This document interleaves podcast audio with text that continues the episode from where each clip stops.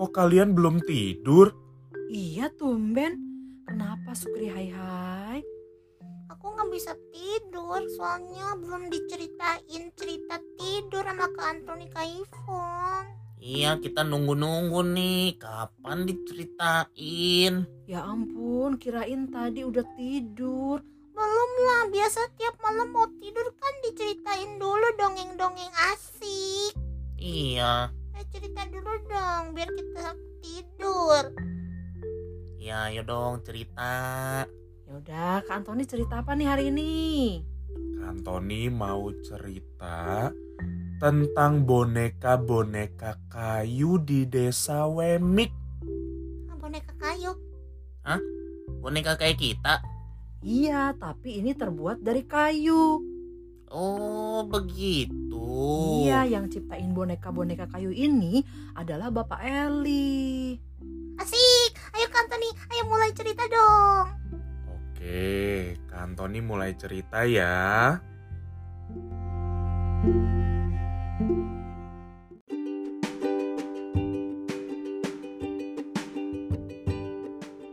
Pagi yang cerah di desa Wemik. Pancinelo dan penduduk lainnya menjadi heboh karena setiap penduduk desa mendapatkan hadiah misterius. Misterius. Kenapa misterius? karena mereka tidak tahu siapa yang memberi hadiah tersebut. Kata Pancinelo, aku dapat hadiah. Dari siapa nih? Teman-teman Pancinelo bilang juga, iya nih, aku juga dapat. Iya, aku juga dapat. Dari siapa ya? Lalu Pancinelo bertanya lagi, isi kotak hadiah kalian apa? Kalau aku sih isinya palu. Kok pemberi hadiah ini bisa tahu aku suka palu? Kalau aku sih dapat alat lukis. Aku memang suka melukis. Hebat ya, pemberi kado itu bisa tahu. Kalau kamu dapat apa? Aku dapat alat masak. Berarti dia tahu dong kalau aku seorang koki. Kalau aku dapat alat jahit. Kok dia tahu juga ya kalau alat jahitku udah mulai rusak. Tiba-tiba dari jauh nampak kereta kuda yang jalannya miring. Pelan sekali. Di dalamnya ada satu keluarga. Papa, mama, dan tiga anaknya. Pancinelo dan teman-temannya mendekati kereta kuda itu. Mereka kaget Ternyata roda kereta itu patah, makanya jalannya miring. Lalu Pancinelo bertanya, "Kalian mau ke mana? Mengapa kereta kalian jalannya miring?" "Oh, kami dari kota yang jauh. Kami mau ke rumah Bapak Eli. Tapi ketika kereta kuda kami melewati jembatan, rodanya patah." sehingga kereta kuda kami miring. Baju-baju kami jatuh dan hanyut di sungai. Lalu tiba-tiba hujan dan semua persediaan makanan kami basah. Baju kami juga basah. Kami kedinginan. Jadi sekarang kami lelah, lapar, dan kedinginan. Kasian ya. Iya, menderita banget sih mereka. Rodanya patah. Terus hujan, makanannya kena hujan. Bajunya juga hanyut lagi di sungai. Iya. Lalu kata Pancinelo, Ayo bantu mereka. Teman-teman, bagaimana kalau kita bantu mereka? Aku jahit ya. Kalau gitu, aku masak deh.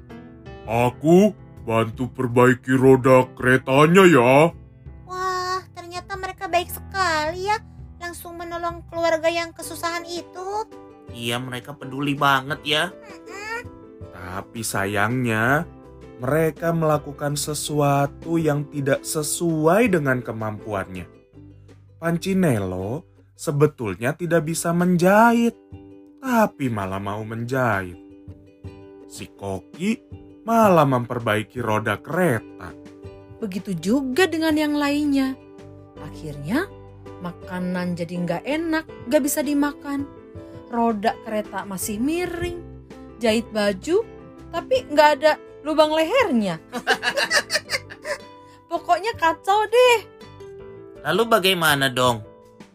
Nah, akhirnya Pancinelo dan teman-teman pergi ke rumah Bapak Eli untuk menanyakan bagaimana cara menolong keluarga itu. Ketika mereka bercerita tentang kesusahan keluarga itu, Bapak Eli berkata, "Iya, saya sudah tahu. Saya juga tahu. Kalian berusaha menolong mereka, tapi gagal kan?" Hah? Jadi Pak Eli sudah tahu semua? Kami udah coba menolong mereka, tapi tidak berhasil. Ya pasti kalian tidak berhasil, karena kalian membantu mereka dengan apa yang tidak bisa kalian lakukan.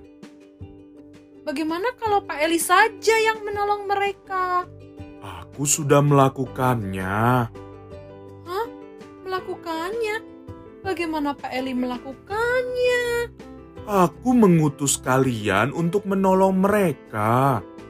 Ingat nggak hadiah yang kalian dapatkan? Oh, jadi itu dari Pak Eli.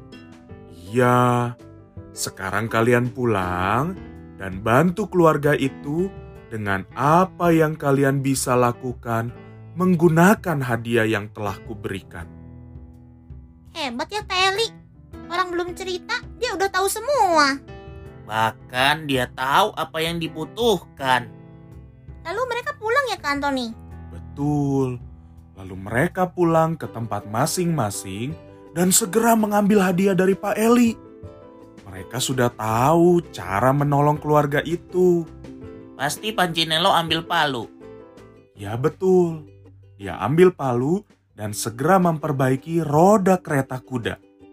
Kalau si pelukis mengecat dan melukis gambar-gambar lucu di kereta kuda itu. Sehingga, hmm, seperti baru dah kereta itu. Kalau Koki, Koki, Si Koki segera memasak sup hangat dengan alat masak barunya. Kalau penjahit, Si penjahit segera membuat baju untuk keluarga itu. Nah, setelah selesai semuanya, mereka segera mengantar keluarga itu ke rumah Bapak Eli. Terbayangkan betapa senangnya keluarga itu bertemu Bapak Eli. Dan betapa senangnya penduduk desa Wemik berhasil menolong keluarga itu. ore!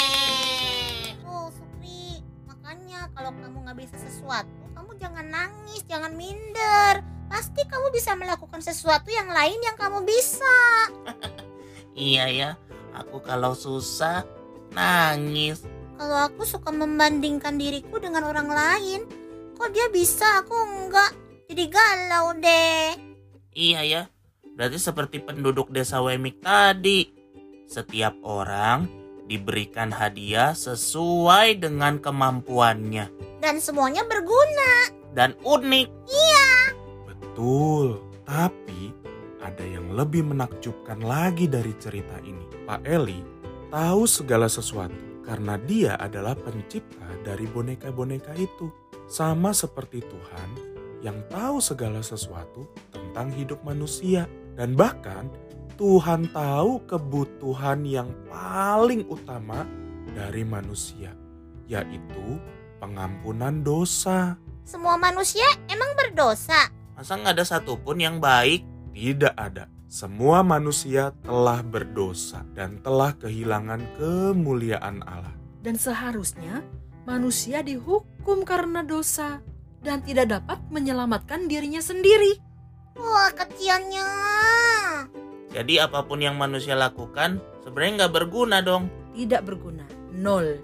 Iya, makanya Tuhan Yesus datang ke dunia untuk menyelamatkan manusia yang berdosa.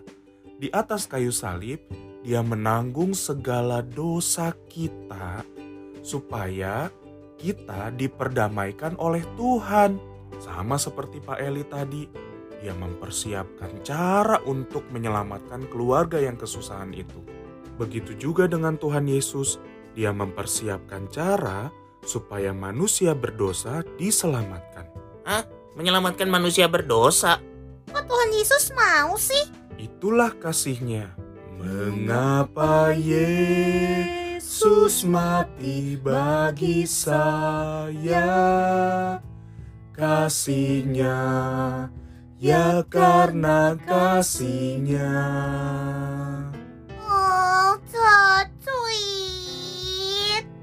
Sudah, kalian tidur ya. Oke deh. Ya kan Tony, good night ya. Good night ya. Selamat tidur sayangku.